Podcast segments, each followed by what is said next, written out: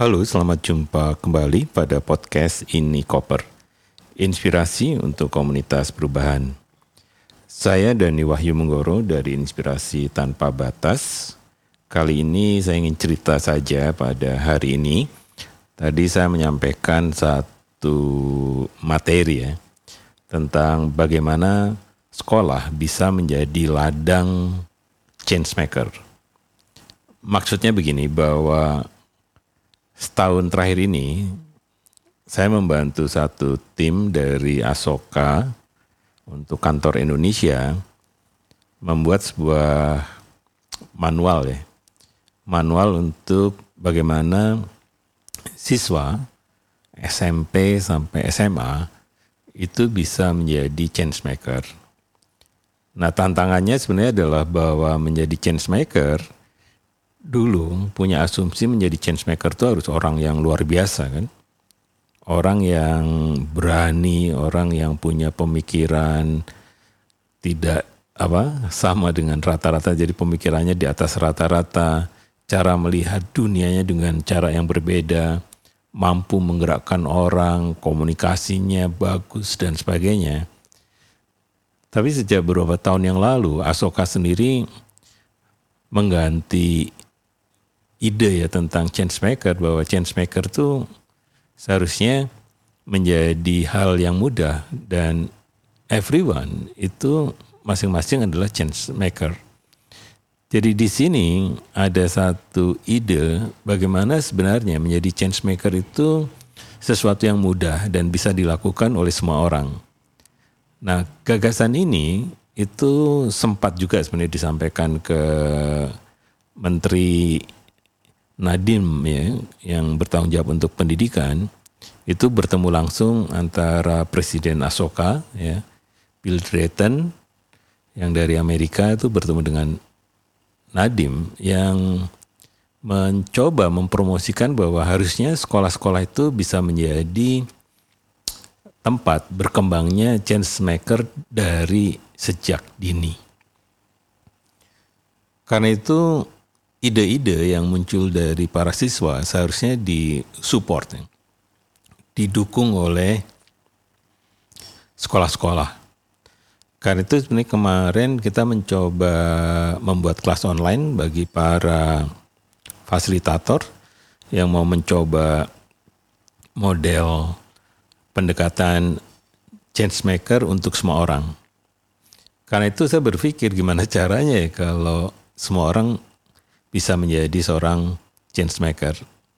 Salah satu yang kemudian disepakati setelah diskusi dengan tim Asoka itu kita mengambil pendekatan yang selama ini sebenarnya kita coba kita promosikan dan sebenarnya sesuatu yang memungkinkan bahwa bagi siapa pun itu bisa menjadi change maker. Nah idenya adalah kita memanfaatkan logikanya asset based thinking atau strength based approach yaitu sebuah pendekatan yang percaya bahwa pada setiap orang itu memiliki keorisinal apa yang yang menjadi kekuatannya gitu. Jadi di sini esensinya adalah bagaimana setiap orang yang ingin menjadi change maker itu harus menemukan kekuatan dirinya. Itu yang pertama. Nah, yang kedua sebenarnya adalah kalau mereka sudah bisa menemukan kekuatan dirinya, bagaimana juga orang ini yang tertarik menjadi change maker itu harus punya impian Impian kan sesuatu yang belum ada. Impian yang ingin diwujudkan oleh orang ini. Nah, dua prasyarat ini itu menjadi eh, apa semacam kunci ya dari seorang change maker.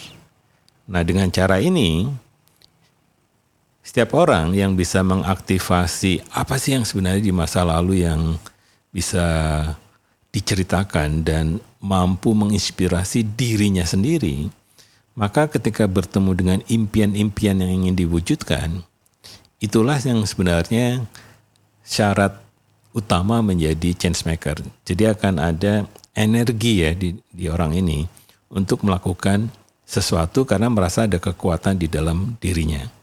Jadi di sini yang menarik adalah kalau orang itu tidak meyakini bahwa punya kekuatan, agak sulit juga menjadi change maker. Jadi change maker harus berangkat dari apa energi yang berlebih-lebihan dari orang yang ingin melakukan perubahan. Jadi energi ini berangkat dari bahwa mereka merasa ada kekuatan. Nah, kekuatan ini kan bisa mulai dari apa yang disukai. Misalnya kalau saya suka naik gunung, maka sebenarnya kekuatan itu akan bisa digunakan untuk apa pun. Tidak harus pada saat naik gunung, tapi bahwa kita bisa menemukan kok bisa ya saya naik gunung yang setinggi itu. Nah, kekuatan-kekuatan misalnya tentang apa? tubuh yang kuat, kemudian bagaimana semangat untuk mencapai puncak ya. Kemudian tadi yang energi apa yang kita bisa sebut sebagai pantang pantang pulang sebelum sampai puncak dan sebagainya itu adalah energi-energi yang kemudian bisa diinstal pada impian yang ingin diwujudkan.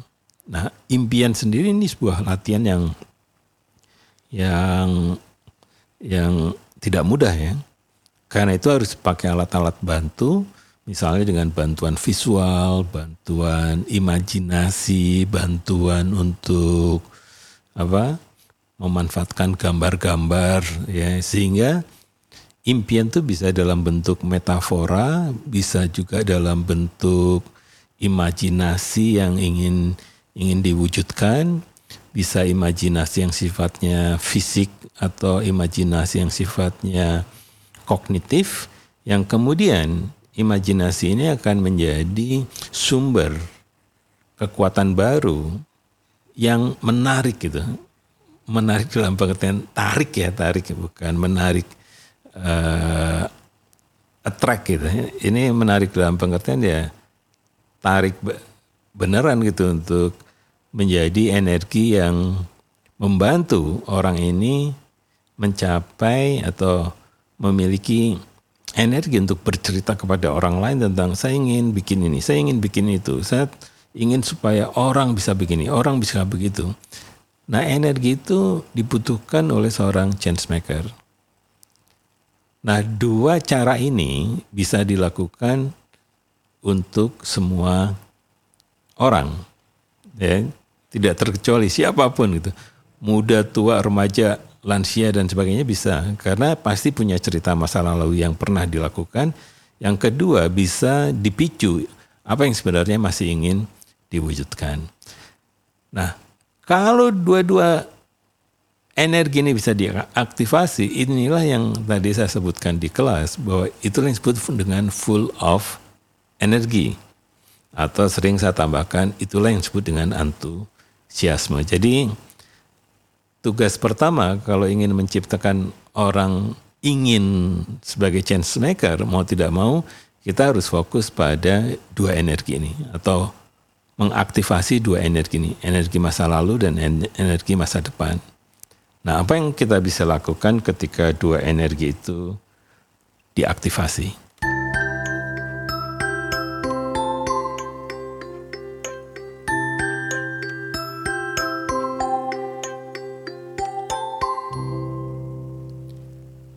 Ya di sini kita sudah mengaktifasi dua energi tadi kan. Nah dua energi ini bisa diaktifasi dalam waktu yang sangat pendek atau waktu yang longgar tergantung waktu yang tersedia pada saat kita sebagai seorang fasilitator ingin membantu orang menjadi change maker. Hari ini saya punya waktu sekitar satu setengah jam untuk membantu peserta merasakan bagaimana caranya sih menjadi change maker.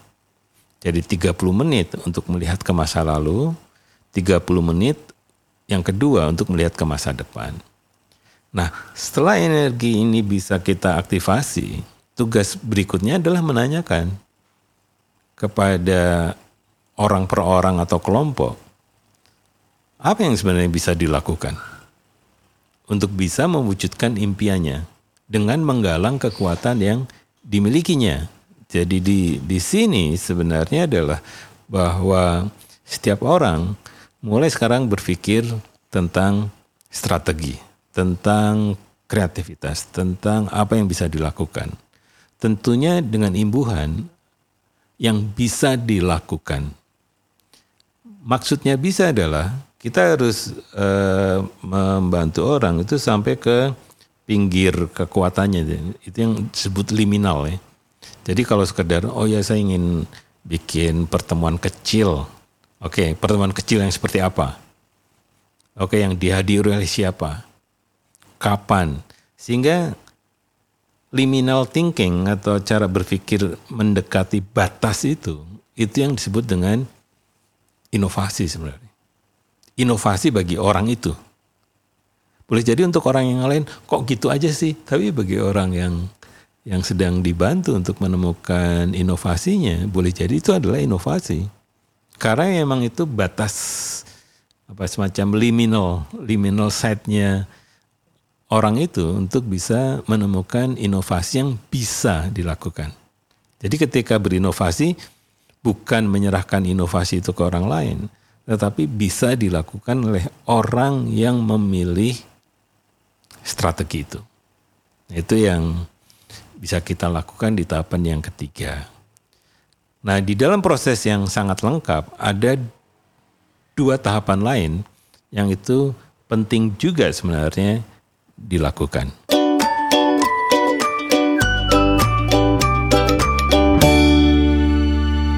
Tambahan dua kegiatan yang lain itu adalah bagaimana kita menjangkau orang-orang yang bisa mendukung inisiatif dari inovasi kita, itu yang membuat kita menjadi lebih mudah inovasi ini bisa diwujudkan. Karena itu pertanyaannya adalah bagaimana caranya menjangkau orang-orang itu. Nah orang-orang itu ada dua tipe. Yang satu adalah memang target kita. Target adalah para pihak yang ingin ya ingin kita bantu untuk bisa mencapai sebuah komunitas yang lebih baik, lebih bahagia, lebih berkelanjutan, lebih adil dan sebagainya. Silakan dikembangkan itu. Tetapi yang kedua adalah pihak yang kita ingin ajak supaya impian kita itu lebih cepat, lebih mudah, lebih murah tercapai. Dan juga bisa berdampak lebih cepat, lebih luas. Nah, dengan cara ini kita bisa memilih apakah cara menjangkau kita sifatnya luring ya, artinya bertatap muka langsung atau kita menggunakan teknologi. Itu pilihan dari siapa sasaran kita. Nah, juga jumlah besarannya, kalau kecil boleh jadi tatap muka masih mungkin.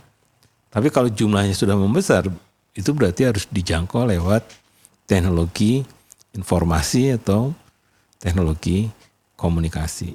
Itu yang bagian yang keempat.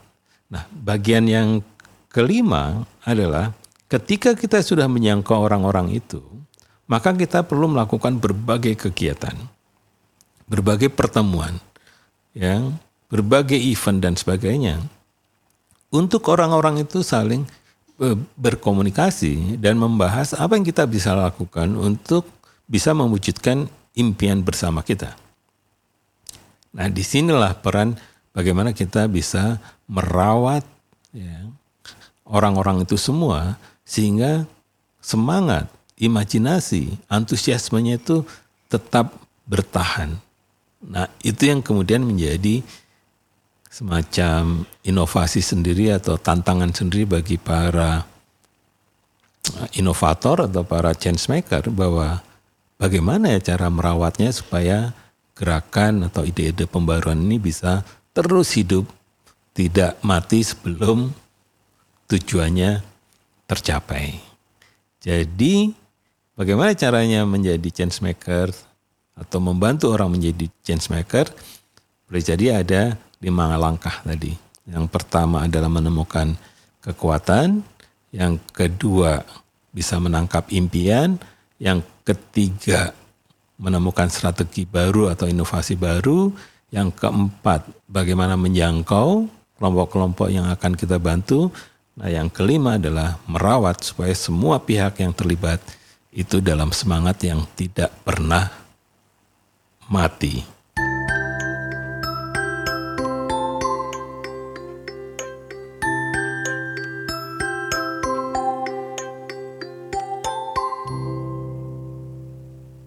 Demikian tadi isi podcast ini koper.